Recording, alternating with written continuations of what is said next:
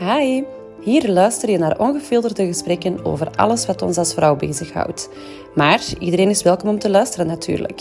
Ik ben Femke en dit zijn de Vrouwenmonologen.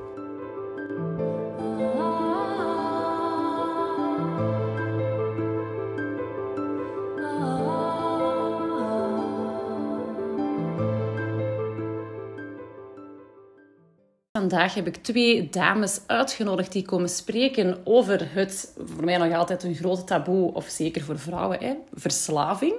Uh, ik heb hier Ellen en Sophie. Ellen, zij komt spreken over haar um, kennis eigenlijk rond verslaving en de therapie dat jij daarin geeft. En Sophie komt ook spreken over haar ervaring met een alcoholverslaving hebben. Ellen, ja. vertel eens, wie ben jij en wat doe jij in het dagelijks leven? Wel, ik ben uh, Ellen Verreken hè, en sinds eigenlijk een aantal jaar terug ben ik begonnen als life coach en dan ben ik mij eigenlijk gaan verdiepen in een techniek die noemt Rapid Transformation en die ben ik beginnen toepassen om eigenlijk mensen te helpen met een hele race van problemen die ze tegenkomen in het leven. En dus waaronder ook verslavingen, zowel eetverslavingen, verslavingen ja, aan roken, maar ook alcohol is er een van.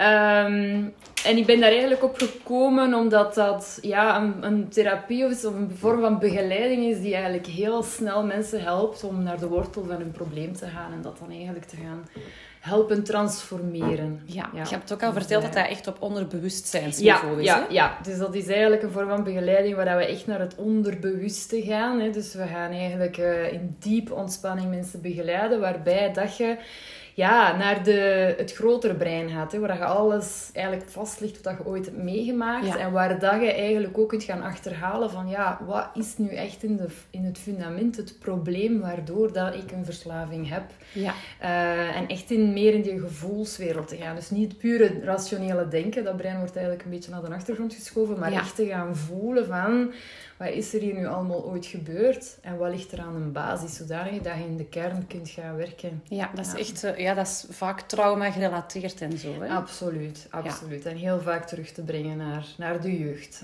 Want uiteindelijk verslaving, en uh, misschien straks wel bijvallen, is vaak een techniek om hè, heel kortstondig een verlichting te krijgen van een vorm van pijn. Escapisme, hè? Een soort van hè, mechanisme ook om te overleven, voor een groot stuk. Uh, maar die natuurlijk op de lange termijn negatieve gevolgen heeft. En vaak weet je dat, maar toch zit daar een, een drang naar die verlichting dat je niet kunt, kunt stoppen. Hè. Ja. En hoe zijn je daarbij gekomen om dat te gaan doen?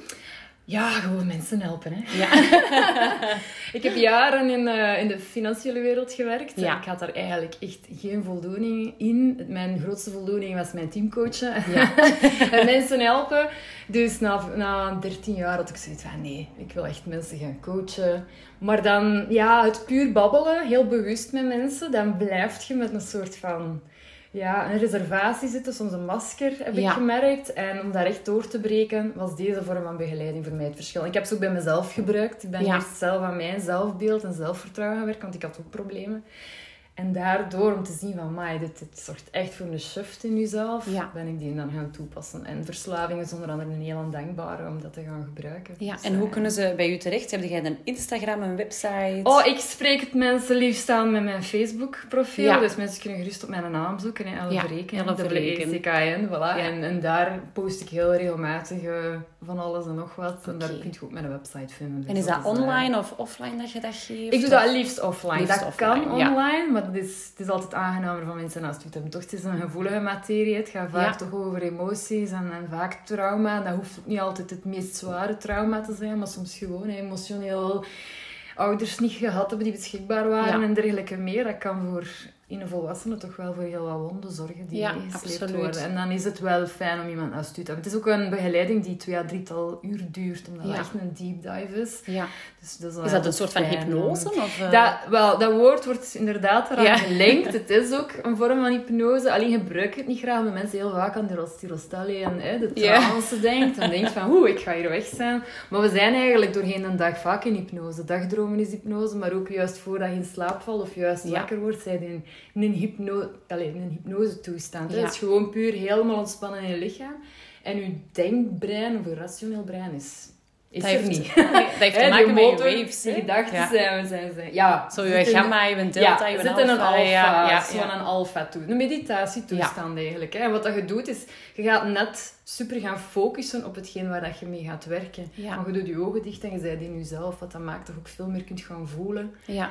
En zo... Ik heb dat ene keer Ja. laten doen. Oh, dat was mijn EMDR-therapie ook. Ja. Eh, en ook hypnose. Maar ja, pff, ik geraakte daar niet. Ik kan dat beter, denk ik, nog als ik zo zelf lig te mediteren. Ja, ja, er zijn verschillende mensen die... Er zijn er die heel diep gaan, er zijn er die niet Ja. zo diep gaan, maar die toch wel merken van... Oké, ik heb hier mijn hoofd en mijn stemmetje dat zegt van... Ja, dat is hier allemaal niet waar en ik weet wel beter met mijn volwassen brein. Ja. Maar ze, langs de andere kant voelen ze ook wel dat klein kind en die gevoelens. En dat is dat onderbewust, hè, waar dan nog dat, dat kleine kind vaak zit, dat nog gekwetst is en dat nog niet... En waar, kun je, waar zit jij? Ik zit in Dendermonde, tegen Ja. Dendermonde, Lebbeke Oké. Dendermonde, ja, Oost-Vlaanderen. Oké. Maar mensen komen van Van overal. heinde ver wel. Ja, het is drie uur, dus mensen nemen daar wel de moeite Ja. om de verplaatsing te doen. Het is ook meestal één sessie. Ah, oké. Dus ja, dat maakt het ook wel, omdat het... Dat maakt het wel toegankelijker Ja. dan dat je niet Ja. altijd naar Ja, Dendermonde het moet is gaan. één Ja, ja. sessie, maar het is een traject van een maand, omdat we nadien eigenlijk, want ik werk met audio's en suggestie, om mensen eigenlijk echt een nieuw beeld over zichzelf te geven, maar dat vraagt tijd en gewenning Ja. om jezelf een nieuw verhaal te vertellen. En dan werken we dus ook met een soort van geleide meditatie, die ze dan dagelijks moeten beluisteren. Dat duurt vier weken, dus we zijn wel voor een traject altijd vertrokken, Ja. maar dat kunnen ze dan op zich doen en de rest is online, hè, qua Ja. opvolging. Maar de sessie zelf is ja, eenmalig. Ik vind het geweldig. Het klinkt als zoiets... te- ja, ik zou ja. het ook al eens willen laten doen. Ja, ja, het is zeker... eh, het is intens. Het is altijd een hele reis. Met heel veel helingstechnieken ook. Ja. hè. Want het is natuurlijk enerzijds het trauma of alles wat je meegemaakt hebt helen. En daar ook een andere blik op nemen. En een andere blik op jezelf nemen. Want het is heel vaak ook een gevolg van hoe ben ik over mezelf gaan denken. Door alles wat ik heb meegemaakt. Wat dat vaak niet juist is. Maar als kind doet je dat. Je maakt iets mee. Je reflecteert van oei, ik ben waarschijnlijk niet goed genoeg. Ik heb iets misgedaan. En als mens beginnen dan een beeld te krijgen van jezelf dat niet meer klopt. Hè. ja. Dus we doen heel wat helingstechnieken. Ehm, en dan gaan we ook dat beeld er gaan, dat positief beeld en die zelfliefde en die eigen, waar dat, Ja. wat vaak het probleem is, gaan we gaan installeren. hè. ja, het is En- zoiets ja. waarvan ik, ik, ik, zo- ik ga al moeten wenen, denk ik. ja, het is best intens. Ja, ja het is een... eh, Dat krijg je wel Ja. veel, denk ik. Ja, ja, ja, ja, ja. Alles dat eruit komt. Ja, en, eh, ja, ja, ja. ja, ik heb soms mensen die... We zijn nog maar in de ontspanning aan het gaan en de tranen komen al. Dus Ja. dat ze goed voelen van waar dat... Dat Ja. al weten waar dat je heen gaat, eigenlijk, voor een stuk. of het onderbewustzijn dat al Ja. is. Ja. Ja. Maar super interessant, hè? Ja. Ehm, en dan hebben we Sophie. Ja. Sophie, vertel. Eh, ja, goed, ik ben Sophie, ehm, Limburgse in Antwerpen, al een heel aantal jaar.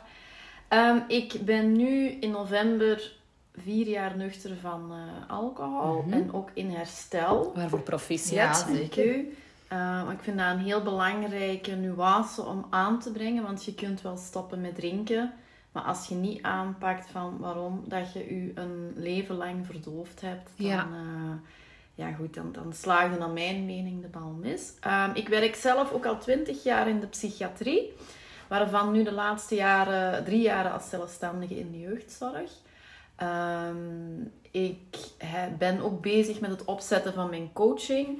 Dat wordt nu meer concreet. Ik wil echt heel graag ehm, vrouwen en ik denk ook wel mannen coachen in ehm, alcoholgebruik of Ja. andere verslavingen en trauma ook. Dus meer specifiek codependency. Hè. Dus Ja. eigenlijk, ik heb vier jaar geleden dat woord voor de eerste keer gehoord, omdat ik heb echt een heel leven lang zo gedacht van, wat is er toch met mij aan de hand? Ehm, ik, ik, ben, ik, ik kon heel goed studeren, ik heb een heel goede job.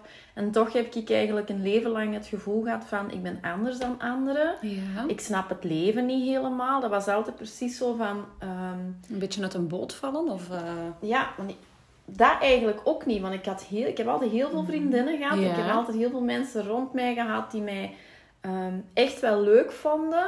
Alleen ik kon dat zelf niet zien, maar dat die mensen in mij zagen. Ja. Ehm, en ik denk, ik was heel jong toen ik met drugs begon. Ja. Ik was 16 jaar en dat ging dan over mijn lichaamsbeeld. Hè. Ik had een heel groep vriendinnen. Ik voelde mij dan de lelijkste. Achteraf bezien was dat helemaal niet. Hè. Maar, maar, ehm, hè, en dan met speed begonnen. Heel veel vermagerd. Ja, daar valde vanaf. Hè? Ja, Ja. ja. en dat was toen, ja, dat was de oplossing. Hè? Ja. Maar eh, uiteindelijk ben ik dan daardoor ook, eh, na drie jaar, op het einde was dat echt heftig gebruik. In het begin was dat zo op stap gaan. Ehm, maar dan op het laatste was dat echt elke dag. ja. En ik zat op de verpleegsterschool. En, en ja, het laatste jaar moeten gewoon aanwezig zijn op stage. Ja, dat was ik niet. En dan ben ik eh, van school afgegooid. ehm, en dan uiteindelijk wel mijn leven herpakt. Ehm, en afgestudeerd. En een man leren kennen. En twee kinderen. En ik heb altijd als verpleegkundige op de paas gewerkt. Mhm. Ehm, maar dan werd mijn dochtertje geboren. En dat was een huilbaby. En ja. ja, die heeft anderhalf jaar gehuild. En ik was een jonge mama. En ik... ook dat was zoiets. Hè. Ehm, je krijgt snel kinderen, omdat je dan denkt, misschien geeft dat mij een identiteit of zo. Hè. Dat is Ja. misschien heel raar om te zeggen, maar... Ehm, dus ik was een jonge mama en mijn andere vrienden die gingen nog op stap. En eh, ik kwam zoals vrienden uit mijn verleden tegen. En dat was dan één, iemand, of nog andere, die namen dan nog drugs. En ik ben dan eigenlijk terug met drugs in contact gekomen. Ik was 9, 8 jaar clean. ja. En eh, direct terug verslaafd. Hè, dat is, allee, ja, al de, de vermoeidheid, de pijn, het verdriet, het, het, eh, de frustratie, eh, de, hè, wat er was allemaal... drugs, eh, drugs, drugs.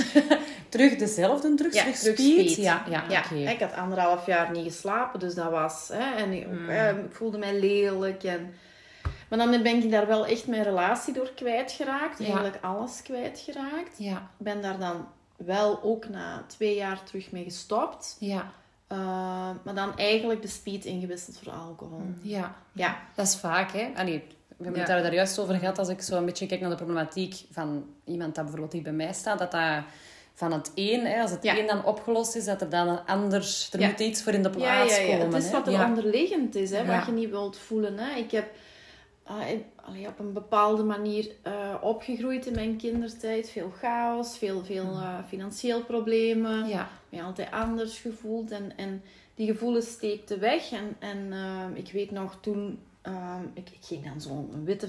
Een fles witte zoete wijn halen, zo, van die leepvrouwmilk. En dat dronk Oeh, ik dan, dan tijdens het eten. En dan dacht ik, alleen is die fles al op.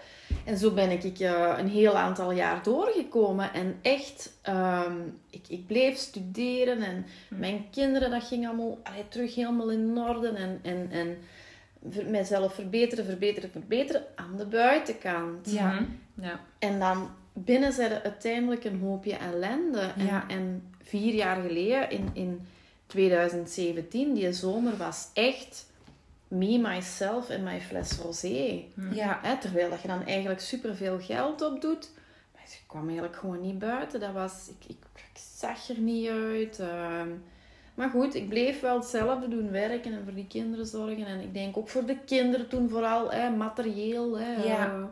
Over wat spreken we dan? Als je zegt, hey, me, mijzelf en mijn fles rosé. Hoe- hoeveel drinkt je dan? Is dat Op het laatste dronk ik toch wel anderhalve fles tot twee flessen per dag? per dag. En Ja. dat was echt al, dus ik ging ik werken en ik, nogmaals, ik had een heel goed job, een heel verantwoordelijke functie. Want voelt je dat dan niet de dag nadien? Ik heb daar nooit geen last van gehad. Nee? Oh man, als ik, als ik dat zou doen, dan eh, heb ik daar vier dagen last van of Ja. zo. Maar je hebt natuurlijk ook wel wat die Gewenning, hè, hè, gewenning, garantie, ja, ja, ja, Op de duur komt je Ja. ook op een punt, hè, met mijn laatste klant ook, dat je bijna no het gevoel hebt van ik heb het nodig om te kunnen Ah, ja. functioneren. Hè. Ja. Dus dat was ook iemand die s'nachts opstond om te drinken, om 's morgens niet wakker Ja, te dat heb worden ik nooit, ja. hè. Dus zijn ja, heel Ja, dat is, dat is, dat is al heel, dat is al heel ver, hè? Ja, Want ja, als je ja. dan... Ik, Ja. ik, ik heb... is dat is een documentaire dat ik eens heb gezien. Als je zo echt heel zwaar alcoholverslaafd bent, dat je dan die tremors, die trillingen ja, en zo ja, krijgt. En, eh, Wat ik wel af en toe deed, is, en, en eigenlijk is elke reden goed om te drinken. Dus ik werkte in Nederland.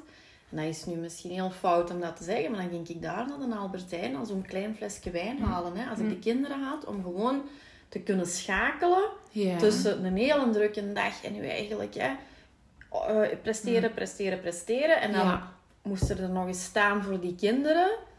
Om dat te en- kunnen counteren ja, een beetje. Ja. Hè? En ehm, ja, goed. Ik ben in 2017 heel toevallig iemand tegengekomen die ook in herstel zat. Die daar ook over deelde op Ja. Facebook. En ik heb die eens een berichtje gestuurd. En ik ben toen, ja, zeven- eh, 13 november 2017 aan de eerste NA-meeting geweest. En uh, ja, vanaf dan ben ik nuchter. Ja, super. Ja. Supergoed gedaan, ja, absoluut. Maar dan komt het echte werk, hè? Ja, dan komt het echte werk. De eerste drie maanden draait dan nog om niet drinken. En dan zijn we daar echt heel erg mee bezig. En dan ja. hebben we nog heel veel triggers. Maar na drie maanden past je brein aan. Ja. En dan komt de echte shit, hè? Dan komt alles naar boven. Alles wat je een heel leven niet had willen voelen. Mhm. En, ja. Ik ben echt nuchter geworden en dat is echt waar. En ik blijf dat herhalen. Ik, oh, in mijn auto, al luisterend naar Louise Hay, Wayne Dyer ja. en uh, speakers, ja. AA-speakers. En maar huilen in die auto en maar nee, maar cliënten door. En uh, gaan zoeken, gaan lezen, gaan, wat is er gratis? Hè? Want Ja, toen, ja. ik had de financiële Middelen niet. Ja. Ja. Ja. Ik herken het, het stukje dat je nu ook zegt, hè, van eh, na die drie maanden. Ehm, ik heb eh, twee jaar geleden eh, een angststoornis gehad voor x aantal maanden was dat ook. Ik denk dat ik in mij na een half jaar eigenlijk terug wat beter begon te voelen. En ik heb toen ook gekozen om niet te drinken, ehm, om dat herstel ook te bevorderen. Hè, want ja, dat, ja, verdoven even werkt, maar dan daarna komt die anxiety duizend keer harder terug. En ehm, inderdaad, eh, dan is ook al mijn trauma en weet ik veel wat eh, er ook uitgekomen na een paar maanden. En dan pas kon ik mij terug wat... Ja. hè, dan, eh, dan begon alles zo wat terug wat te regelen vanzelf. Dus dat is wel, dat is wel gek, hè? dat je inderdaad die drie maanden dan zo bezig bent eigenlijk Ja. met stoppen met drinken. Je brein rewired en Ja. dan komt alles eruit. Ja, want ik heb zelfs in dat eerste jaar, ze zeggen eigenlijk van het eerste jaar no major decisions. Ik heb wel heel veel major decisions. Ik ben verhuisd, ik heb heel mijn leven aangepakt. Waarna dat die grote anxiety eigenlijk bij mij pas begon toen ik een jaar nuchter was. Daarvoor, je deed mijn ding, maar ik ben eigenlijk het eerste anderhalf jaar, deed ik puur werken, mijn kinderen, meetings en eh, andere herstelgerichte dingen, omdat Ja. ik zo angstig was. Er was met die alcohol iets weggevallen. Ik kon op een duur, ik kon nog niet meer spreken. Ja. Dat is echt heel heftig, want ik dacht op een bepaald moment, ik ben dement. Maar zo angstig. Maar Ja. dat is die innerlijke criticus, wat gewoon een soort van... Bam, bam. Ja, Dat is bizar. ja, Ja, en stilletjes aan Mhm. gaat dat beter. En, Ja. en leert je ook van... eh, het, is, het gaat erom je voeten van herstel goed in de aarde te zetten. ja, ja, En dan kun je eigenlijk is herstel omgaan met het leven. Ja. ja. En En loslaten. terug dichter naar je Ja. echte zelf gaan, Ja. Maar dat vind Dus, ik, ja, dichter naar je echte zelf. Ik heb daar gisteren met iemand nog over gehad. Zelfs na vier jaar vind ik dat moeilijk. Moeilijk. Ja. Wie ben ik, Ja. ik nu? Ja. En, en dat, dat Ja. bij de ander halen, dat is toch nog iets... Ik heb nu een nieuwe relatie, worden weer nieuwe dingen getriggerd.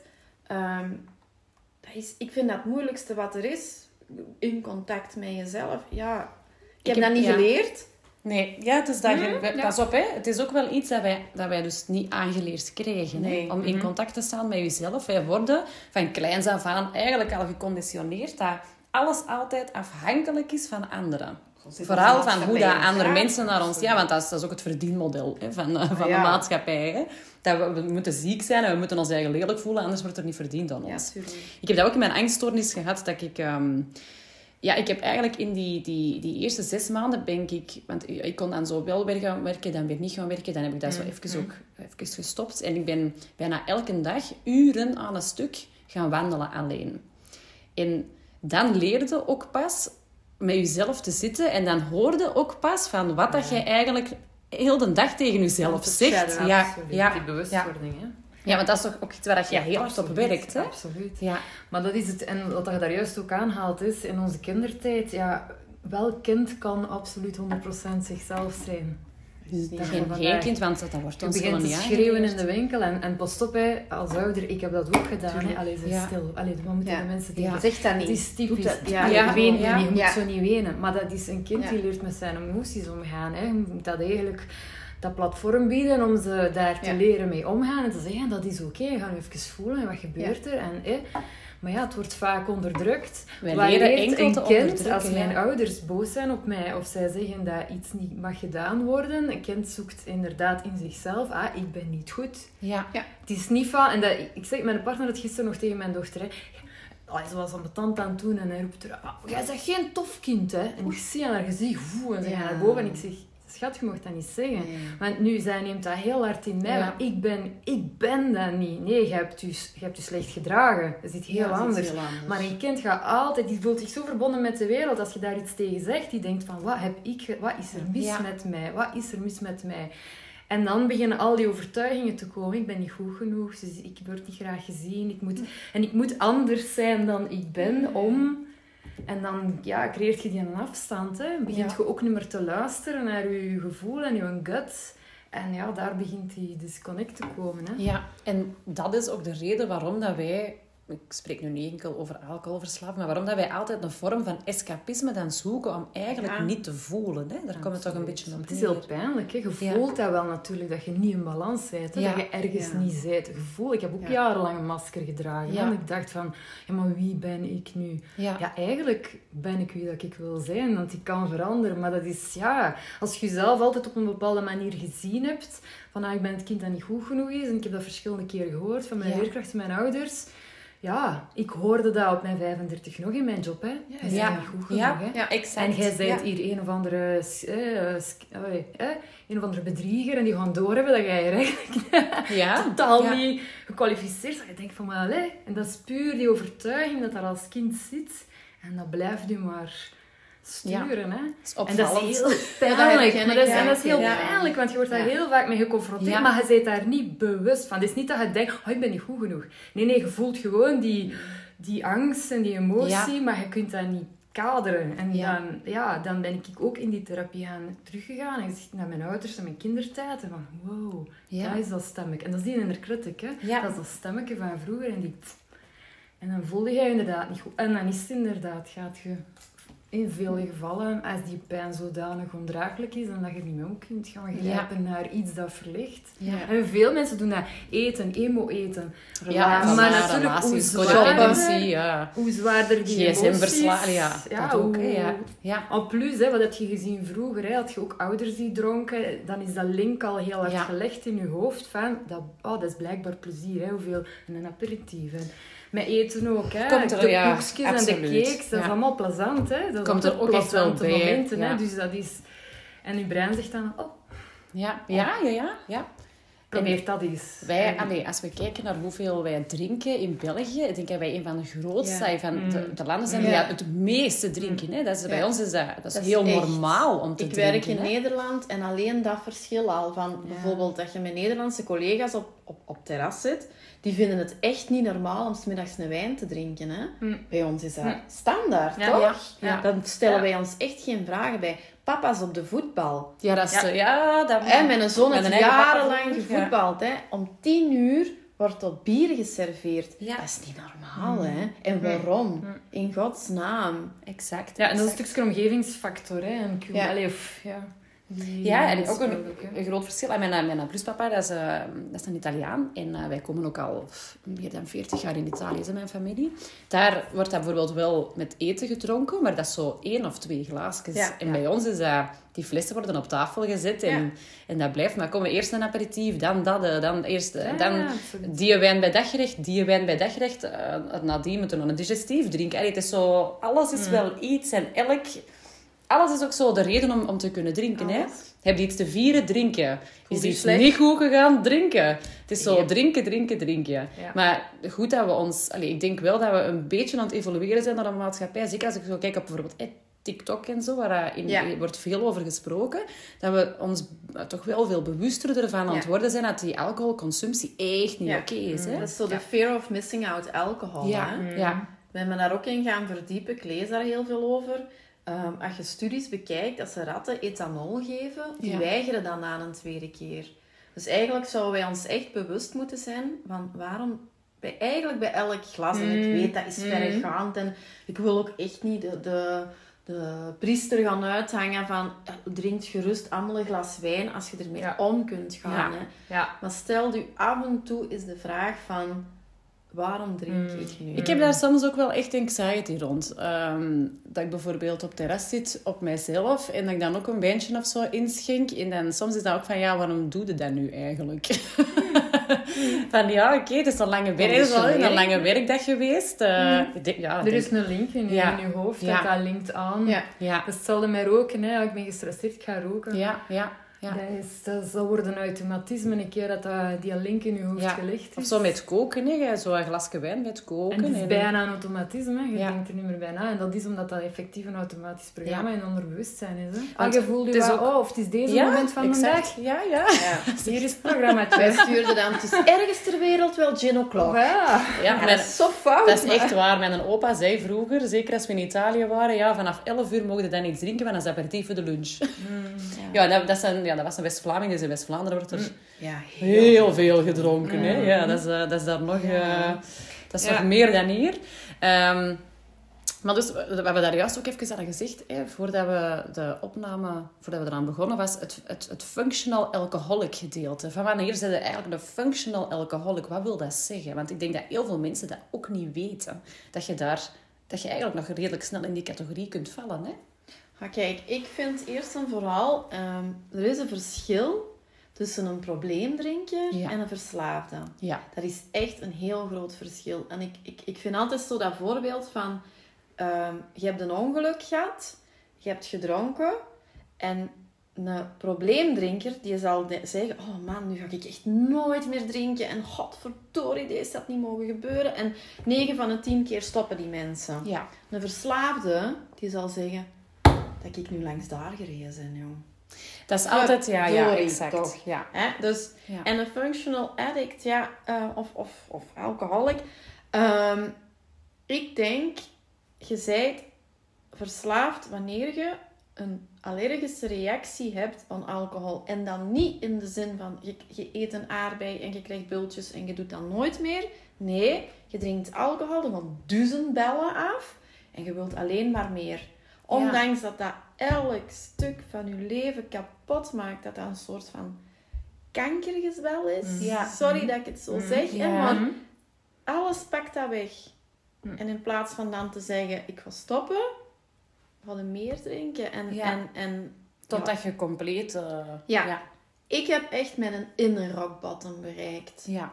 Dat was ik weet, de laatste keer, dat was ook echt, dat is echt vreselijk om te zeggen, maar dan had ik zo gekotst langs mijn bed. En, en dat is echt wel ja. heftig, ja. Maar goed, ik kuiste dat op en ik ging werken.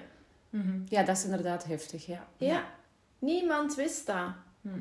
Dus, en dat, dat gebeurt zoveel. En, en ook dat je de, om het nu hebben te hebben over vrouwen, eigen beland met mannen in bed wat je niet wilt. Ja. Uh, achteraf al de schade en... en, en ja, en het trekt ja. je zelfbeeld alleen maar ja. erger Dus ik krijg alleen maar bevestiging van. Hè, dus elke morgen stond ik op en zei van straks ga ik niet drinken.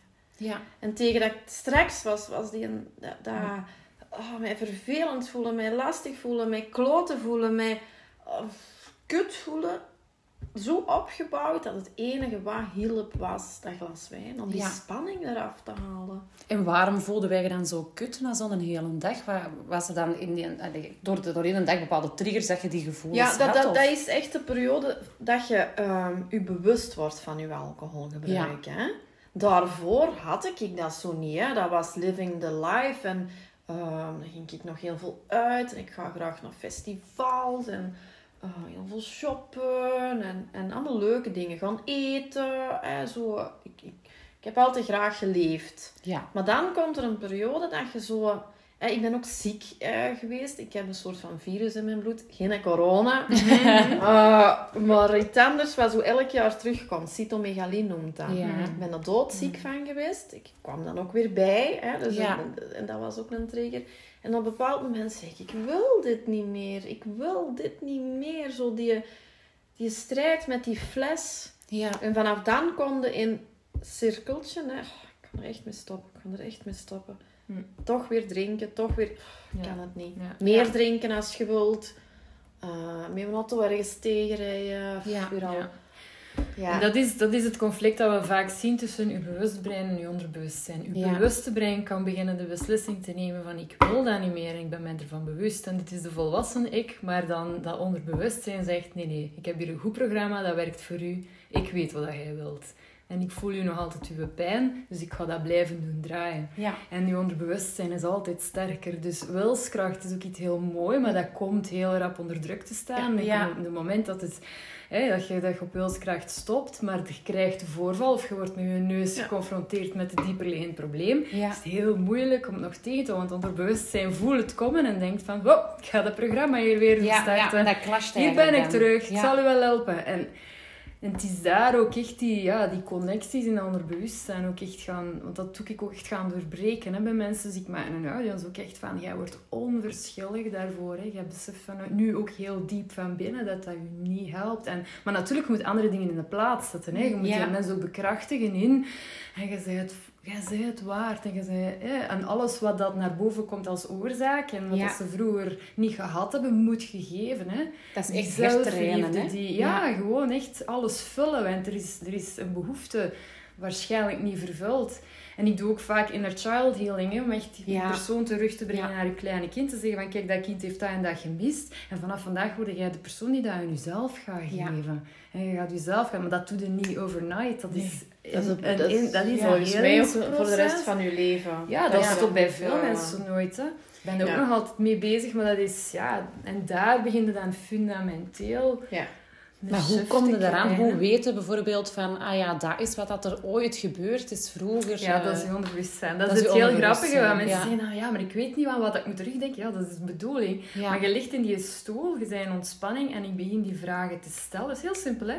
Wat is de wortel, de oorzaak waarom dat jij drinkt? Waarom dat jij niet kunt weerstaan? En nu, en ik tel af, hè, dat is een soort van... Uh, en ik zeg, hè, ga terug, ga terug. En opeens, ik heb het zelf ook ondervonden, is dat brein een herinnering. Ja. En dat... ja, ik heb, ik zeg het, ik heb ook eens een keer gedaan. Ja. Allee, ja. Ik ben een psycholoog. Ja. Um, ja, en dan, maar dat was dan zo van ja, en je moet dan tegen je inner kind zeggen uh, wat dat je er graag tegen wilt zeggen. Of ik, ik zei ja, ik weet zelfs niet wat je daar tegen wil zeggen. Ik zei ja, ik, ik zal ze een knuffel geven. Ja, dus ik vond dat ja, zoiets ja, van... zet je niet inderdaad niet ja, ver genoeg. Ja, nee, nee, niet. ik, ik was er niet. ik ga er wel naartoe. Ik ga in mijn therapie er echt wel naartoe. Ja. En wat ik ook geleerd heb, is van... Uh, er zijn heel veel beschermers die voor je innerlijk kind zitten. Ja. En, en ik ga wel uitzoomen. Ja. Dus bij mij is niet één sessie. Ik, eh, mhm. ehm, dus ik, ik neem mensen, maar dat is echt uit een dysfunctionele jeugd. Ja. Kindertijd, dysfunctionele jeugd.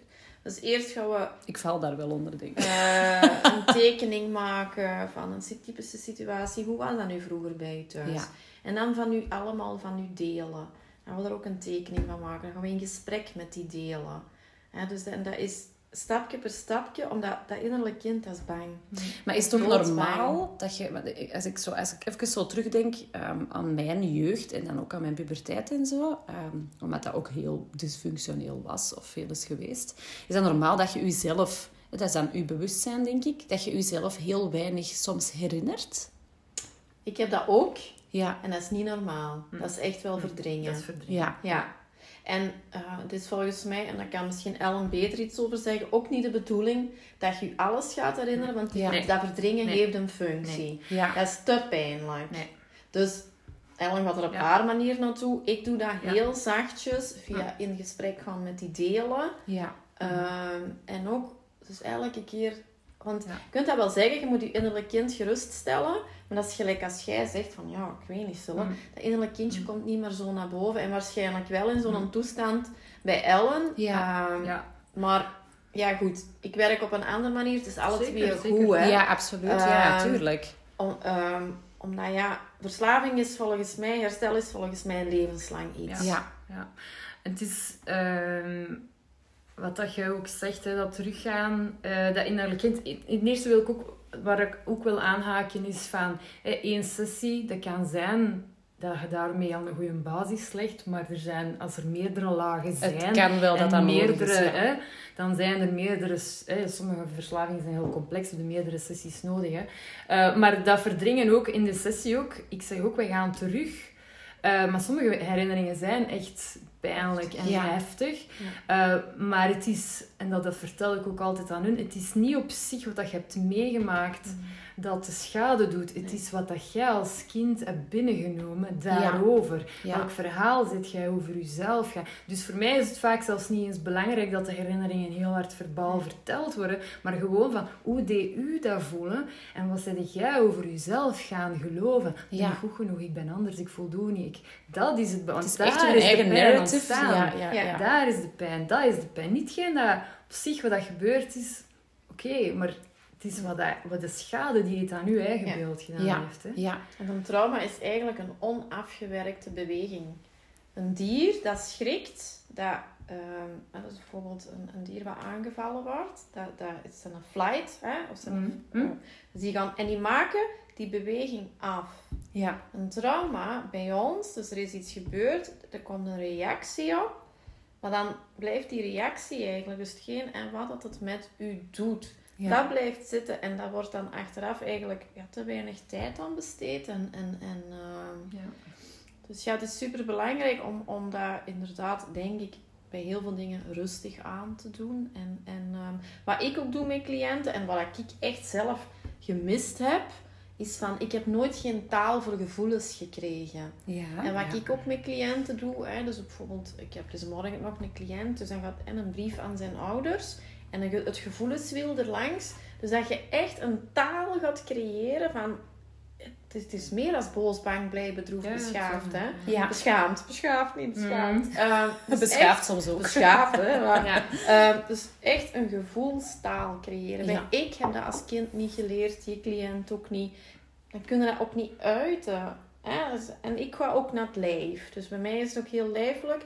Oké, dit gevoel, je bent nu bang. Waar zit dat in je lijf? Welke kleur heeft dat, welke vorm heeft dat, kan, je dat kan je dat veranderen, kan je dat dus... Dat is ook leren zijn met het gevoel, hè, want dat, dat, doen we vaak, hè, onderdrukken, maar daarmee is dus omdat we dat, omdat we dat zo leren, hè. Ja, dat gevoel moet even gevoeld worden, moet daar niet in meegesleept worden, maar dat even observeren en, en oké zijn dat het er is en weten van, en nu laat ik het rustig weer gaan, maar dat is dat, elk kind leert dat. Ja, ja, ja, ja, wij leren dat wegdrukken, hè.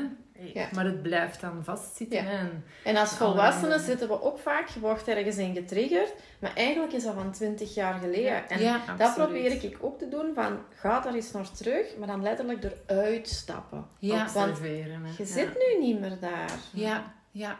Ja, dat is moeilijk, hè? want eigenlijk als we het zo een, een, een verslaving hebben aan eender wat, is, is echt een combinatie van zoveel factoren, van en vroeger en emoties onderdrukken. Want elke verslaving is toch een vorm van escapisme. Mm ja. Aan niet voelen of niet... Ja. ja. Ja. en dat leren wij... Ik is van leer comfortabel zijn met het oncomfortabele. Ja. Want de weg naar buiten is echt naar binnen. En ik heb jarenlang... Er was zoveel oncomfortabel in mijn leven, maar wou ik dat niet voelen. Maar die stap zetten om daar naartoe te gaan ja, je moet daar klaar voor zijn. En dat is ook voor iedereen anders, denk ik. Bij mij was dat op mijn 38ste. Had me dat geen jaar eerder laten doen. Want ik denk, iets gebeurt echt wanneer het kan gebeuren. Bij mij zitten in herstel zitten jongeren van 25. Respect hè? Ja, om het dan te doen. Maar ook mensen van 60. Ja. En, en ik had denk ik daarvoor echt niet de tools, de middelen. Of moet het de ellende zo groot zijn om te zeggen, nu is het echt is klaar. Ja. Want langs de buitenkant klopte mijn leven hè, volledig. Hè. Mm. Mijn kinderen zeiden ook van... Drink jij niet meer? Maar zoveel drink jij toch niet? Dus ik was ten eerste ook een stiekem een drinker. Ja. En ten tweede, dat overheerste mijn leven langs de buitenkant echt niet. Mm. Maar vanaf dat ik de deur dicht deed, wel. Ja. ja. Die strijd is, is, is onbeschrijfelijk. Hè? Van, van in die zetel zitten en zeggen... Nee, ik rij niet naar de naftpomp, ik ga niks halen. Ja. En voordat je het weet, zit in die auto en dan zijn er zo twee van die stomme kleine flesjes rosé gaan halen, dat je achteraf denkt, dan hmm. moet ik eigenlijk nog eens terug. En ja. je constant ja. chatter. Ja. Dat is verschrikkelijk. Ja, dat is ook iets uh, waar ik met mijn klanten al mee omga, is inderdaad die interne dialoog. Hè? Ja. Want wat dat ook doet, zeker mensen ook die diëten en dergelijke meer. Hè. Ik mag niet. Ik zou willen, maar ik mag niet. En als alles wat begint, niet mag... Als je dat begint in je hoofd, je hoofd zit daar direct bovenaan, je mag niet. Hmm. Ja. ja. Dus ik, ik raad ook altijd aan van taal te gebruiken die je in je kracht zet. Hè. Van ik zou kunnen, maar ik kies om. Ja. Ik kies om. En echt zo heel bewust ook je taal te gaan bekijken. Hè, van in bekrachtigende allee, ja, opmonterende en bemoedigende woorden te spreken. In plaats van, oh, dit is een restrictie, oh, dit is... Nee, focus op wat dat je allemaal wint en niet op wat dat je verliest. Ja. Je brein wil niet verliezen. Ja, want dat is, het, dat, is het, dat, is het, dat is met alles zo. Hè. Alles waar we zo in restrictie gaan zetten, is juist hetgeen wat we dan weer extra hard willen. Hè. En om daar natuurlijk als interne dialoog Terwijl tegen te vechten... altijd met restricties. Want als je natuurlijk blijft drinken, heb je ook restricties. De vraag welke restrictie wil je opleggen natuurlijk. maar dat woord, ja, dat is, dat, is direct weerstand. Hè. En uw brein kent ook geen nee, hè? Nee, ja. het woordje niet, niet. Hè. Dus ik mag niet... Uh, denk niet ik mag wel dus. een olifant. wat ja. Ja, maar dat zijn zo kleine dingen, maar die, ja, die kunnen wel helpen om inderdaad die dialoog en die... Ja, soms een beetje die een battle in je hoofd, want dat is het, hè. Het is een battle echt tegen je, je oude verhaal, hè. Ja. Dus dat stemmetje blijft je oude verhaal en nu herhalen, hè. En dat exact. is... Hoe weten ook wanneer dat het te veel is. Want hè, zoals dat jij zegt, in interne dialoog, ik heb dat soms ook wel. Hè. Als ik dan een glasje wijn drink, denk ik van, goh, ja, hadden dat nu eigenlijk wel moeten doen? Of hadden dat nu nodig? Of hè, waarom pakte dat nu? Maar ja, ik heb dan al een angststoornis. Dat gaat er voor een stukje ook wel. Die anxiety zal altijd blijven. Dus ik heb dat al extra dan hoe andere mensen dat hebben. Maar vanaf wanneer we weten van, ja, deze kan echt wel niet meer. Nu is het, uh, nu is het genoeg. Met alcohol drinken? Ja, of met een andere verslaving. Er moet toch iets zijn waarvan je weet van, ja Stop. ik denk als jij alles opzij schuift voor dat middel, ja. dan denk ik dat het te veel is. Maar dan zit je eigenlijk al een stap te ver. Hè? Ja. Ik denk, hè, zo de, de WHO, ben er op het moment niet... Wereldgezondheidsorganisatie. En die zeggen eigenlijk, je zou uh, minimum twee dagen per dag geen alcohol gebruiken. En de andere dagen als vrouw maximum twee en als man maximum drie. Ja. Maar wanneer is iets te veel? Ja, ik denk altijd wanneer dat interfereert met je, met uw dagelijkse bezigheden, met je leven, maar dat hoeft zo dus niet te zijn. hè? Maar, ja. ja. nee. Ik denk dat het voor elke mens anders is. Hè? Ja, Brain Dive noemt dat zo quantum moments. Zo'n moment dat je ineens zo denkt van, oh nee, dit, is, dit kan nu echt niet meer. Of dat je net inderdaad alles verliest. Of...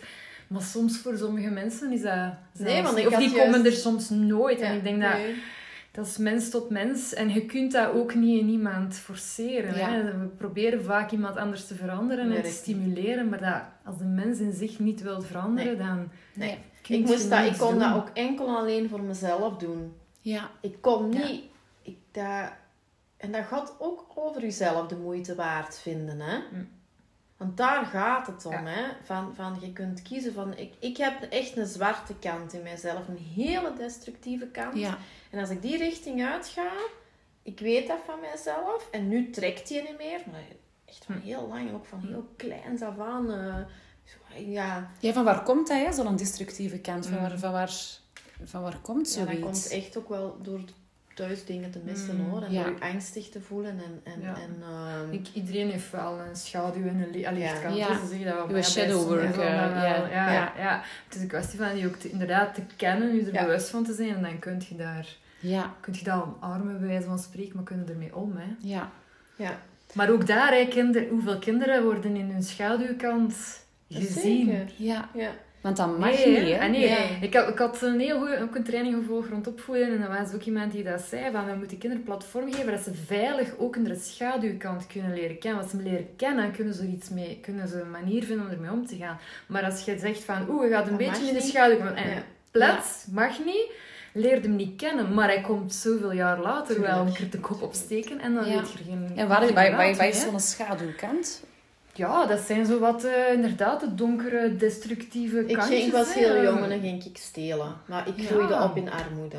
Ja. En dat deed ik uh, toen ik puber was ook. Ja, dat was dat stelen, liegen. Ja. Uh, ik was, eh, ik herken mijzelf daar wel een klein mama beetje. Die was, dat was allemaal zo ja. Allee, stelen, nu, stelen nu niet echt, maar ja, liegen. Uh, ook ja. om, omdat je thuis geen dingen moogt zeggen. Hè? Want nee. je, is direct zo welke ja. represailles gaan er komen als ik eerlijk ben. Of... Mm -hmm. Ja, en bij ons thuis was ook... Um, Ja, sorry mama, maar het is gewoon zo van... Ik, ik werd gezien als mijn punten goed waren. Ja. Hè, eh, er was thuis zoveel aan de hand. En, en ik ben ook echt een geparentificeerd kind. Hè. Ik ging echt voor mijn ouders zorgen. Hè. Ja. En, en, eh, maar ik had dan goede punten. En dan zei ons mama nog van... "Nou, die van den Bekker, dat was toch beter, hè, Sophie? Was- Ja. Nu Zo, dat je hè. het zegt, een van de grote connecties die je ook ziet bij alcoholverslaving is perfectionisme in Ja. de Maar ik thuissituatie. heb altijd gedacht, Ja. perfectionisme is iemand wat heel zijn leven in orde heeft. Wat ik geleerd heb, is ik ben enorm perfectionistisch, maar bij mij uit dat in het niet doen. Hm. Dus je bent zo bang om een fout te maken. Dat je het Ja. niet doet. Ja. Ja. En dat heeft ook heel mijn leven lang dat ik denk, waarom nu? Waarom verzand ik in die soort van freeze, is dat, passiviteit? Ja. Ja. Het niet. Ja, die lat ligt daar, hè. Ja. Je bent je bijna bewust, ik haal ze toch niet, Ja. dus geblokkeerd. Ja, en dat, Ja, Ik heb dat ken dat ook, want ik ben ook ja. op zich een perfectionist, maar ik leef in chaos heel Ik vaak. ook. Ik ben omdat- exact hetzelfde. En dan denk ik, huh? Ja, en procrastinaten. En, ja. Maar als ik in gang schiet, dan is het... Ja, ja ik ja, ben ja, exact ja. hetzelfde. Als ik, als ik in gang schiet, dan ben ik vertrokken en dan, dan, dan ben ik daar wel Ja, direct. ja, ja, dan doe ik dat. Ja. En wat jij er straks zei, dat imposter syndroom. Hè? Ja. Ja, vreselijk. heb ik ja. gewerkt en dat ik dacht, ze biedt, komt er iemand zeggen, jij moet hier niet zijn. Hè. Terwijl, ja, nu mag je vertrekken. Terwijl, ik deed dat allemaal zelf, hè. Ik deed allemaal die dingen Tuurlijk. zelf, al die locaties opstarten, alles. Teams coachen, dat deed ik, hè. Maar. Maar wij zien vaak niet wat dat wij zelf bereiken. Wij zien dat niet. Hè? Wij zien dat niet. Want er is bij- en dat is ook, ik heb dat bijvoorbeeld ook. Bij mij is dan direct zo, ja, what's next? Wat nu? Echt, Het volgende. Ja. Hoger, beter, Ja. meer. Daarom is die gratitude Ja. zo belangrijk. Ja. En dat vind ik wel heel fijn aan het spirituele stuk van, van een 12-stappen-programma. Is van, je gaat echt leren ehm, elke dag te kijken naar jezelf. Controle ergens loslaten. Er is iets, iets groter dan jezelf. En echt geen gratitude. Hè? En dat probeer ik Ja. toch nog wel echt. En dat doet Wayne. Dyer ook. Doet Louise. Hay ook. Is Ja. van, wees dankbaar. Dankbaar. Is de hoogste frequentie ook kunt Absoluut. trillen. Dat is de hoogste Ja. frequentie. Ehm, Ja. en, en, en ik probeer dan wel, nu met mijn kinderen, ik denk dat die ooit zot worden van mij, maar ik probeer dat echt wel, man, je hebt dat goed gedaan. Ik heb Ja. vertrouwen in u, je doet dat goed. Het Ja. is goed. Ik heb Ja. ook periodes gehad, gelijk aan ons mama, hè, van oh, die punten en dit en dat. En... Tuurlijk. Maar wij nemen dat over, hè? wij nemen dat tuurlijk, over. Ik heb, dat, ik, heb, ik heb daar een boek over gelezen. Ik heb hem dan ook aan ons oma en ons mama laten lezen. Dat, dat, wij, hè, dat, noemt, dat ging over intrafamiliaal en intragenerationeel trauma. Wij geven dat allemaal Ja, van generatie ja, generatie. En zelfs dingen waar je zegt, maar eigenlijk ben ik daar niet mee akkoord. Maar doordat je het zoveel gezien hebt, neemt je het automatisch mee. Het is Dat- natuurlijk wel, hè, vanaf het punt dat je je er een beetje bewust van wordt, dan kun je het veranderen. Dan kun jij Ja. Ja, eindelijk qua generatie dan een keer stopzetten. Ja. Hè? Dat Maar heel veel werk. mensen komen Ja, daar nooit. patronen breken. Ja, We absoluut. hebben echt eh, een zware ons. Ja. Nee, dat is waar, dat is waar. Maar toch. Maar ik heb ook fouten gemaakt met mijn kinderen. En ik was, ik was ook op een bepaald moment in een training en die zei van... eh, Weet je, je kunt jezelf niks kwalijk nemen, want je handelt altijd vanuit je beste Je vermogen. Op die moment. En het is niet fair om nu, nu dat je nieuwe dingen en een bewustwording gekregen hebt, om terug te kijken en hard te zijn voor jezelf. Maar je wist niet wat toen wat je nu weet. Nee. Dat was voor mij wel een hele eye-opener om op die moment Ja. mezelf te vergeven. En te zeggen, oké, Ja. maar nu weet ik beter en nu doe ik beter. En Ja, dat komt binnen. Hè? Ja. ja, maar dat was op die moment wel... Ik Ja. Ik kan er nu ook, kan dat ook accepteren dat dat geweest is en kan verder met mezelf. Ja, ja. En kan mezelf accepteren, want hè, Ik denk ook beter. dat... Allee, ik probeer dat ook zo te zien, dat iedereen ten allen tijden van zijn leven zijn best doet. Ja. Mm. Met wat hij Ja. op dat moment heeft. Ja, er was ook, eh, ik denk, was die therapeut waar ik bij gestudeerd heb, die zei van, eh, geen enkele ouder staat op met de intentie om zijn kinderen te Nee, natuurlijk verpesten. niet. hè? Allee, nee. toch niet de meeste, dat hoop Nee. ik toch niet, maar dat is ook zo. Hè? En, en veel mensen hebben hun eigen issues en ja, dat Ja. komt jammer genoeg op de kinderen vaak over. Hè? Ja. Ik heb, ehm, want ik had vanmiddag, alleen deze, deze morgen, want het is vanmiddag, Ja. ik had een aantal vragen opgeschreven dat, eh, dat de luisteraars hadden gesteld. Ik moet even van, van setting hier veranderen. Ehm, vanaf wanneer spreken we van een verslaving, hebben we daar juist eigenlijk al een beetje gehad. Hè? Ehm, dat is natuurlijk een moeilijke, want dat is ook voor iedereen individueel echt heel anders. Ik denk dat tolerantie een hele belangrijke Ja, is. ja. Afhankelijkheid. Dat zijn een beetje de criteria die gewoon ook standaard over heel de wereld gebruikt worden. En het stadium daarvoor is... je, slaat, je, gaat, je gaat bijvoorbeeld niet werken, je slaat familiebijeenkomsten over, je laat je vrienden vallen. Het middel neemt meer en meer je leven over. En als je voor elke reden een glas aan het drinken bent, dan kun je toch best eens vragen stellen. Ja, ja. Ja. maar dan kunnen we in België, ik, ja, eigenlijk hier, dat is verschrikkelijk. Hè? Dan kunnen we ons heel veel, bij heel veel mensen ook vragen stellen, want dat is Ja. hier zo normaal. Hè? Dat- Ja. En daarom ben ik daar ook over beginnen spreken, weet je, want zeker bij vrouwen is het een taboe. Ja, ik ben dan ook nog hulpverlener. Laat, volgens mij staat er zo'n kruis op mijn hoofd. maar, eh, weet je, ook maar een mens. Tuurlijk. En, en, en het is zo belangrijk dat we gaan spreken, jongen, over kwetsbaarheden zoals ouderschap Zeker. en moederschap en, en de mommy and wine culture. De mommy wine culture, dat is, ja, op Instagram zie je dat zoveel voorbij komen. Bij ons ja. wordt die term niet gebruikt, maar het is er wel hoor. Ja. Ja, op Instagram is dat... Allee, je- ja, misschien moet ik ook eens wat accounts beginnen ontvolgen. Omdat je dat zoveel ziet. En ja, dat is, dat, dat is normaal, hè. Ja.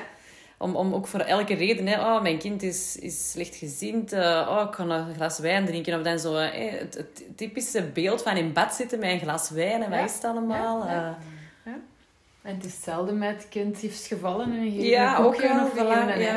of een Ja. het is, dat, is, Ja. allee, dat is veel onschadelijker Ja. voor een stuk, maar het Ja, zijn ja. alle technieken. hè, En ook alles wat je op tv kijkt. Hè. Je weet nog met mij de mijlijntjes of wat is maar die wijnen, wijnen, wijnen, ja, wijnen. Dat is elke middag dat daar een fles wijn opengetrokken werd. Ja, dan, dan, ja, als je ziet allemaal dat dat normaal is, wij, gaan, wij nemen dat ook op als zijnde normaal. Hè. Ja. En het is Of de het verbinding ook vaak. ja. Hè? Al de vriendinnen en drinken niet. Zeg, jij Ja. pakt een glas water. Huh? Ja, Ja. exact. Maar die vraag En dat is ook, het hè? stom, hè. Ik hoor er niet bij. Hè? Ja, ja, dat, hè. Maar die vraag krijg ik nu nog afgelopen vorige week nog op een barbecue. Die vrouw, ja, dat is dan in Zeeuws-Vlaanderen en er wordt echt wel best wel veel gedronken. En die, drinkt jij niet? Oh, waarom niet?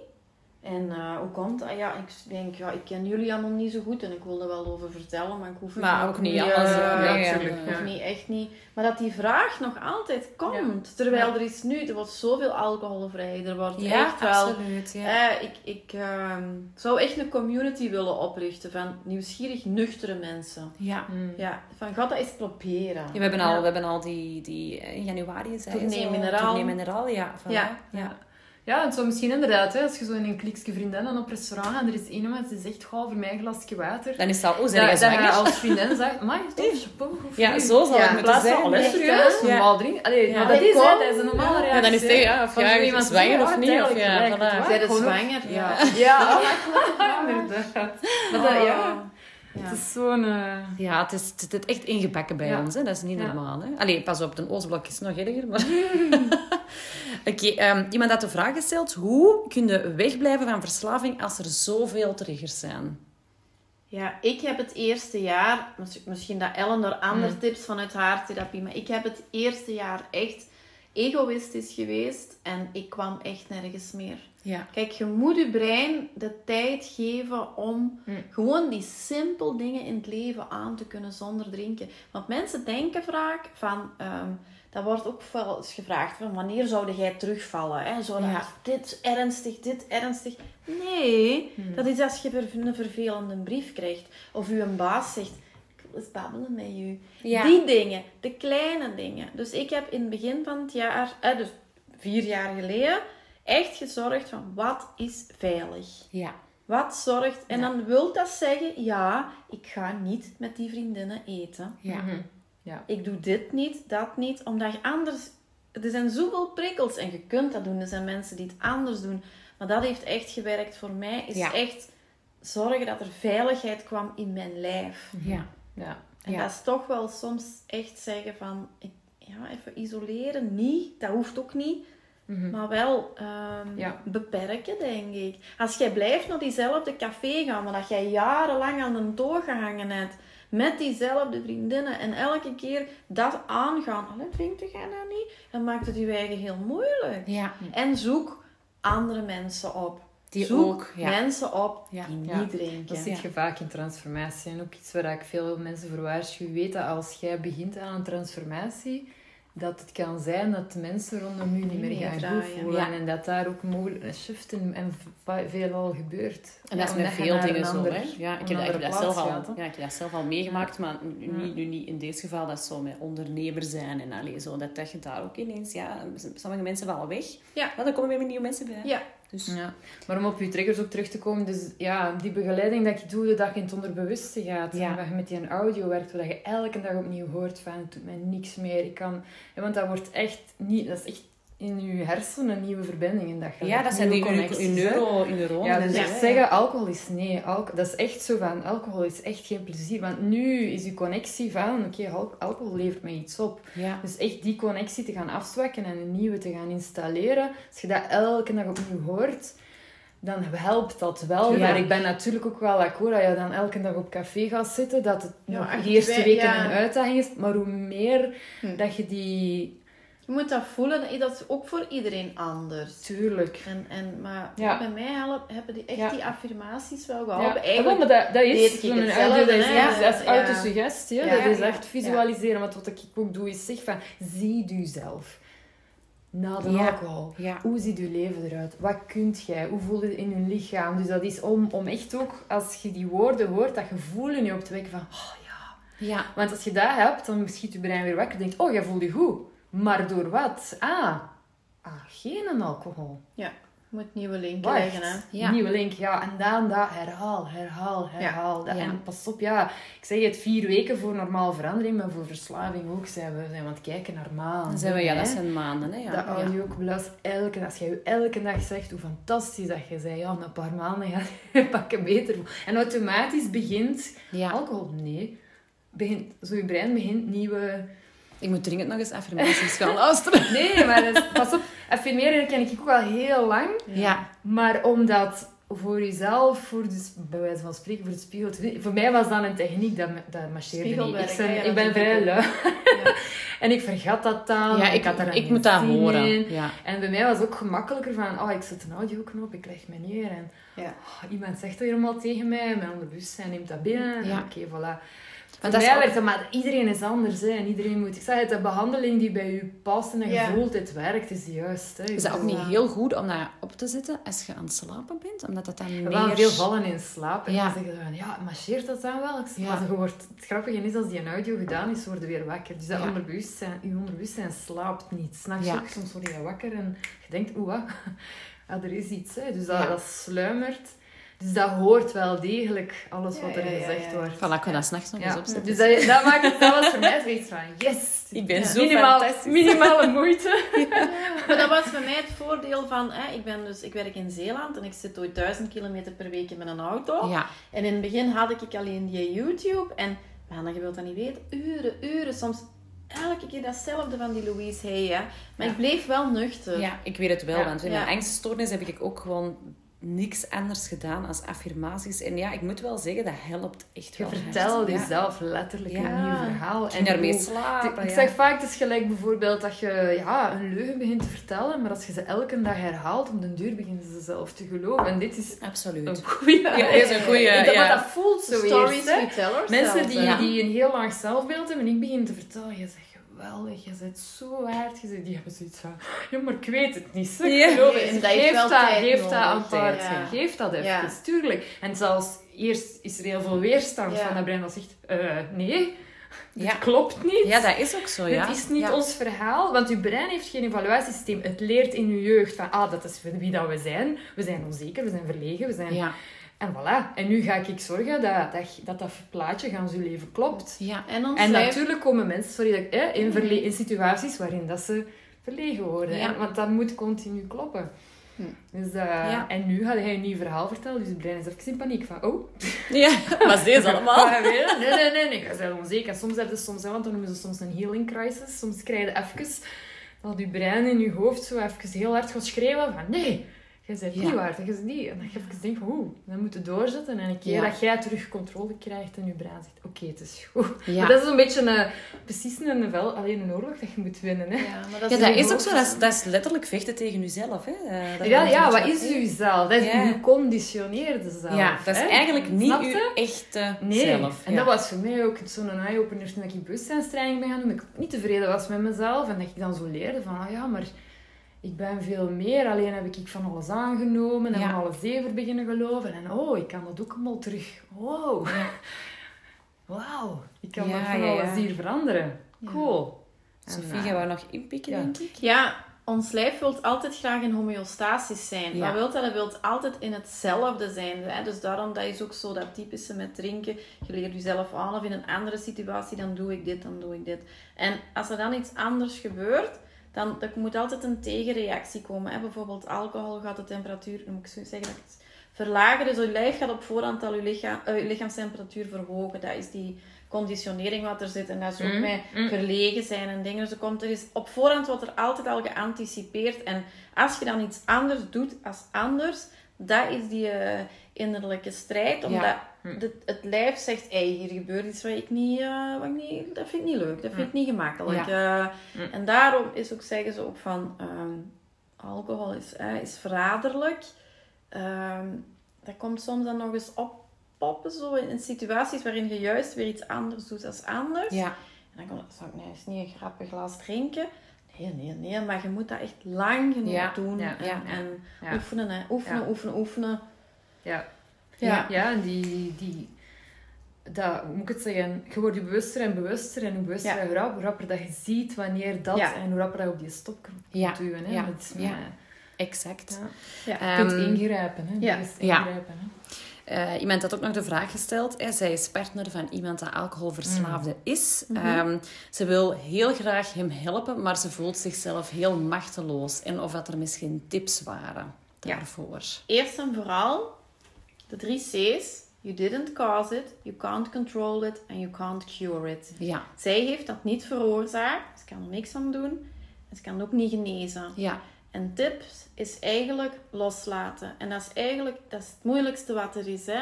Uh, u losmaken van iemand. Maar ik, heb, ik geef heel veel behandeling. Ik ben ook familiecounselor geweest bij uh, een verslavingsinstelling. Hier heel veel familieleden uh, begeleid. Ehm, dus wat wij zien is eigenlijk, zij doen dezelfde loop als de verslaafden. Hè? Ja.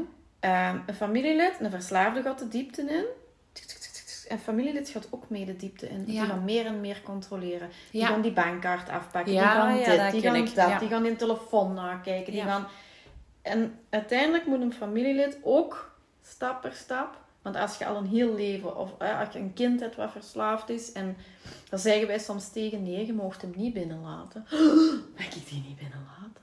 Nee, want jij kunt die niet redden. You can't carry the addict. Ja, Dus mijn tip aan die vrouw is: ga vooral veel dingen voor jezelf doen. Mhm. Ja. Ga werken rond bewustzijn. Ga werken rond zelfliefde. Ga, ga zorgen dat jij een vol leven hebt. Ja.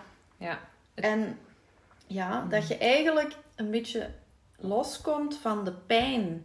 En zie echt in van wat je ook doet, als sluit die mens op, het is zijn keuze. Ja, absoluut. ja. Nee, absoluut akkoord. En inderdaad, ze zijn altijd in bepaalde situaties waarin dat je zo vast zit. Ze zeggen altijd, je hebt drie mogelijkheden. Hè. Change it, situation, maar je kunt niet iemand anders veranderen in zo'n geval. Accept it, en dat wil zeggen van, kunt je ermee leven? Want er zijn vaak situaties aan partners waar we zeggen, oh, dat ergert mij, maar bon, kun ermee, zijn er zoveel goede kanten dat je zegt, ik kan daarmee om. Ja. Of you let it go and you walk away. Hè. Dat zijn drie. Maar inderdaad, zij kunnen er niks aan doen. Het is een keuze. En je kunt, kunt wel zaadjes planten en hopen dat die het licht ziet. Wat ik ook altijd aanraad, is inderdaad, werk aan jezelf. En kies voor jezelf. En wees op die manier een voorbeeld van... Iemand die dat doet, om de andere eventueel de ogen te openen, maar... Maar kijk, een hele fijne boek daar rond is, is als hij maar gelukkig is van Robin Norwood. Dat is echt een oudste boek ooit wat daarom bestaat. Daar staat er echt heel goed in beschreven. En dat is codependency. Daar komt de term ook van. Ja. Hè, is ontstaan op afdelingen waar vroeger alcoholisten, verslaafden werden opgenomen. Omdat ze zagen, al die familieleden die deden hetzelfde. En de term is dan het meestal bij vrouwen, maar er zijn ook echt mannen codependent. Ja.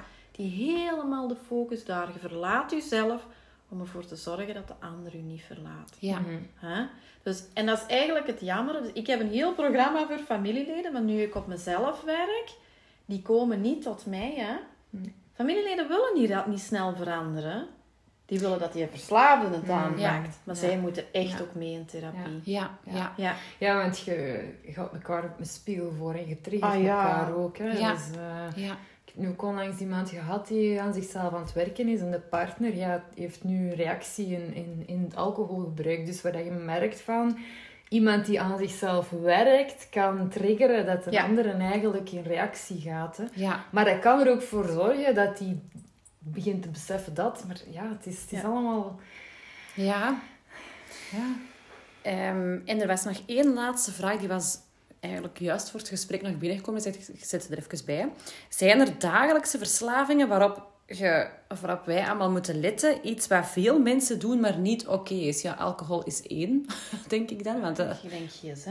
gsm, ja, dat is ook een... Eh, ja, ja. en eten vind ik een Ja. heel heftig. Ja. Ik was Ja. daar, zelf, daar zelf ook mee. Is ook nu pas rust ingekomen. Ik denk dat ik ook een beetje de suiker, eh, alcohol heb ingewisseld voor zo met Ja, suiker. Zoete, ja. Ja, en soms echt op heftige momenten dat ik dan toch zeg van... Dat is nu ook onder controle, maar ik vind dat echt... En toch echt wel relaties. ja. Ja, vind ik echt... We gaan zoveel mensen... Er zijn zoveel mensen single die zich van de ene relatie in het andere gooien. Ik heb het ook gedaan, hè. Op Ik heb het Tinder. ook gedaan vroeger. En Ja. een glas rosé, geweldig was dat. En swipen maar. Ja. En nog maar eens afgewezen worden of een fout Ja, contact grote drang naar bevestiging Echt, vaak, ja. de eigenwaarde. Ja, De bevestiging dat we Ja, binnen onszelf zelf. Ja, je Ja. hunkert dat iemand Ja. je bevestigt. En Ja. dat vind ook, ik ook gehad eh, na mijn ja. vorige relatiebreuk. Ja. Ja, Ja. Heel ja. hard. En wat komt er dan vaak tegen? De mannen die er net misbruik van maken. Echt. En het patroon is nog eens bevestigd. Ja. En zo is het dus heel vaak, totdat je het inderdaad het Ja. ziet. Hè, maar, eh, Ja, ik heb, eh, ik heb dat bij mijzelf ook gezien. Hè. Ik heb altijd lange relaties gehad, maar zo letterlijk van de ene niet de andere. en de na, na, na. Want je moet maar iets met jezelf zijn. Ja, ik, eh, ik, dat, heb ik twee jaar, dat heb ik twee jaar geleden aan heel... Hè, dat, dat is heel hard leers op die manier. Hè, want ik heb... Ik, heb allee, ik spreek daar ook altijd heel, heel eerlijk over. Ik heb ehm, zelfs naar de psychiatrie gegaan voor te zeggen... Neem mij op, want ik weet niet meer wat ik met mezelf moet doen. Ja. Ehm, dan hebben ze wel gezegd, ik denk niet dat jij hier moet zijn. Maar ik was zo desperate ook van... Het was Ja. ook elke dag opstaan en elke dag paniek aanvallen. Het was echt zoiets voor mij van... Heftig. ja, ik, ik, het is niet dat ik niet meer wou leven, maar als ik dat elke dag Ja. voor de rest van mijn leven had moeten doen, dan had het Ja. voor mij ook Nee. niet Nee. gehoeven. Ja. Echt niet. Ja. En dan, ja, leren met jezelf zitten en Ja. leren dat is met je trauma en, en wat Ja. je hebt meegemaakt ooit en dat je inderdaad dat jij daar niks aan kunt doen. Ehm, Mhm. Leren hoe dat je eh, in niet codependent moet zijn, hè? inderdaad, van andere mensen om bevestiging te zoeken. Want het, ja, dat, is- dat Ja, zit allemaal ja. hier. Het zit wel ergens, maar het moet, ja, het moet, ja. het moet eruit komen en het moet... eh, ja, je moet heel veel zo- dingen onleren, hè, om het zo Ja. te zeggen. Hè. Mijn man is denk ik vijf jaar geleden, zo twee weken naar Thailand, nee drie weken, op zijn alleen Ja. gaan trekken. Dat wel na een paar dagen kom je Ja. zelf wel tegen. Ja, dat doet zijn- veel, hè, ja. Dat zijn, eh, elke mens zou dat eigenlijk moeten doen, want Ja. wij zeggen ook eigenlijk ons kinderen, als die 18 jaar zijn, zouden die echt moeten zeggen, shot buiten en ga twee maanden Ja. in je rugzak trekken hè, en kom die zaal, Ja. leer jezelf in, want hoe, ja, Ik en eigenlijk heeft je wel gelijk hoor, Ja. Ja. want- Ik probeer dat nu al in kleine dingen met mijn kinderen te doen. Aan de ene kant eh, bevestig ik ze heel veel, maar aan de andere kant probeer ik die echt ook al heel veel verantwoordelijkheid te Hm. geven. Zo. En la- samen mee laten beslissen. Zo van, ehm, ja, en dat maakt ook dat ik heel mondige kinderen heb. maar ehm, ja, dat die echt gaan, die accountability is Ja. zo Ja. belangrijk in het leven. Van, ja. eh, ik maak een beslissing en dat heeft dat effect op mezelf en op anderen. En als dat een foute beslissing is, kan ik ook sorry zeggen. Ja. Dat heb ik ook moeten leren de afgelopen jaren. Sorry zeggen. Nog een oprechte sorry. Ja. Geen honderd En sorry. I, I screwed up. Ja. Ja. En En dat dat is is niet oké, erg, Ik zei dat Ja. dikwijls ook tegen mijn Ja. kinderen. Sorry, sorry, ik ben er juist uitgevlogen. Ja. Er- dit was gaande in mij. Ja. Moet We toch zijn maar kunnen, mensen, hoe, Ja, hoe je ooit verwachten dat zij dat ook Ja, doen? ja, effectief. Ja. Sorry, mama maakt ook fouten. Ja. ja. Vind ik Voilà. zo belangrijk.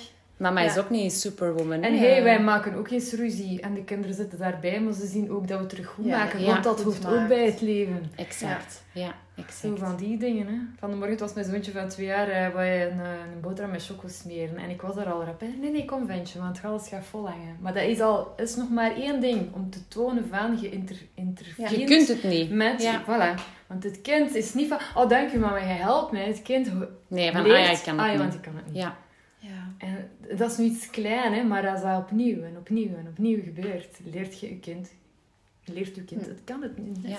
Exact. ja, het moet een goede balans stom, zijn, zo Ja. denk Ja. ik. Dus, eh, Absoluut. ehm, Wat natuurlijk ook niet altijd even simpel is om te vinden, maar... eh, ja. Nee. Nee, maar Ja. ja. Dames, dank u wel. Ehm, Ellen, u kunnen ze terugvinden op Facebook. Dus Ja, Ellen ja. Verreken met CK. privéprofiel. Ja. Sophie. Ik op Facebook. Voilà. Ik op Facebook. Ik denk dat die andere hippe dingen gaan doen. Ik- Sophie ja. Lammers is het dan? Jamers. Ja. Met een J. Ja, Jamers. J-A-M-E-R-S. Oh, Oké, voilà. Ja. Ik weet niet waar ik Lammers vandaan heb gehaald. Misschien Nee. dat iemand anders van de podcast, want er komen er nu ineens heel veel. Ja, Maar dus alle twee op Facebook? Ja. Ja. Oké, Ja. kijk goed. Ja, het was eh, een hele gezellige babbel en vooral heel interessant. Ja, Ja, super, zeker. super dat jij het onderwerp meer bespreekbaar Echt, wil hè? maken. Hè? Want er Het is, moet wel, hè, ik denk, vind ik, Er zal veel schaamte rondhangen, maar was erover laatst, ik deze week nog aan aan het denken van mensen, we hebben allemaal problemen als we keer allemaal Echt. stoppen met die Ja. maskers op te houden. Echt en gewoon eens zeggen, hé, hey, het gaat even niet. Ja. En het is oké, het is moeilijk, het is zwaar. Moeders en werken en corona. Echt? Dat is vooral Echt het probleem. Ja, dat is echt onze maatschappij. ja, Dat dat is we, mogen het niet zeggen. En, Maar, allee, ah, nee, want Nee. het zou maar eens afgewezen moeten worden. Ja, je Ja. ziet het op Instagram ook. Hè. Alles moet perfectie zijn. En, eh, Ja, Dat kinderen waar dat die opgroeien, Ja. Ja. Ik zie dat nu bij mijn dochter vijf- van 15. Dan denk ik, meid. Hmm. Bij ons was het vroeger zwaar, maar dat stopte ergens aan de schoolpoort of weet ik veel wat. Of, maar bij hen gaat dat constant. Ja, constant. Ja. Constant dat perfecte Ja. ik heb ook serieus maar lekker zelf. Echt. Kleren aan die wilt. Ja, exact, eh, exact, exact. Doe wat je gewoon voelt. Voilà. Dank u wel Graag gedaan. Graag om gedaan. deel te nemen. En, ehm, Bedankt ja, om ons te vragen. Ja, ja het, was, het was echt kei leuk. kans. ik leer zo ook weer nieuwe mensen kennen. Ook Ja, altijd heel top. fijn. Eh, en dank jullie wel om te luisteren. Volgende week is er een nieuwe aflevering. Bye. Bye. Bye.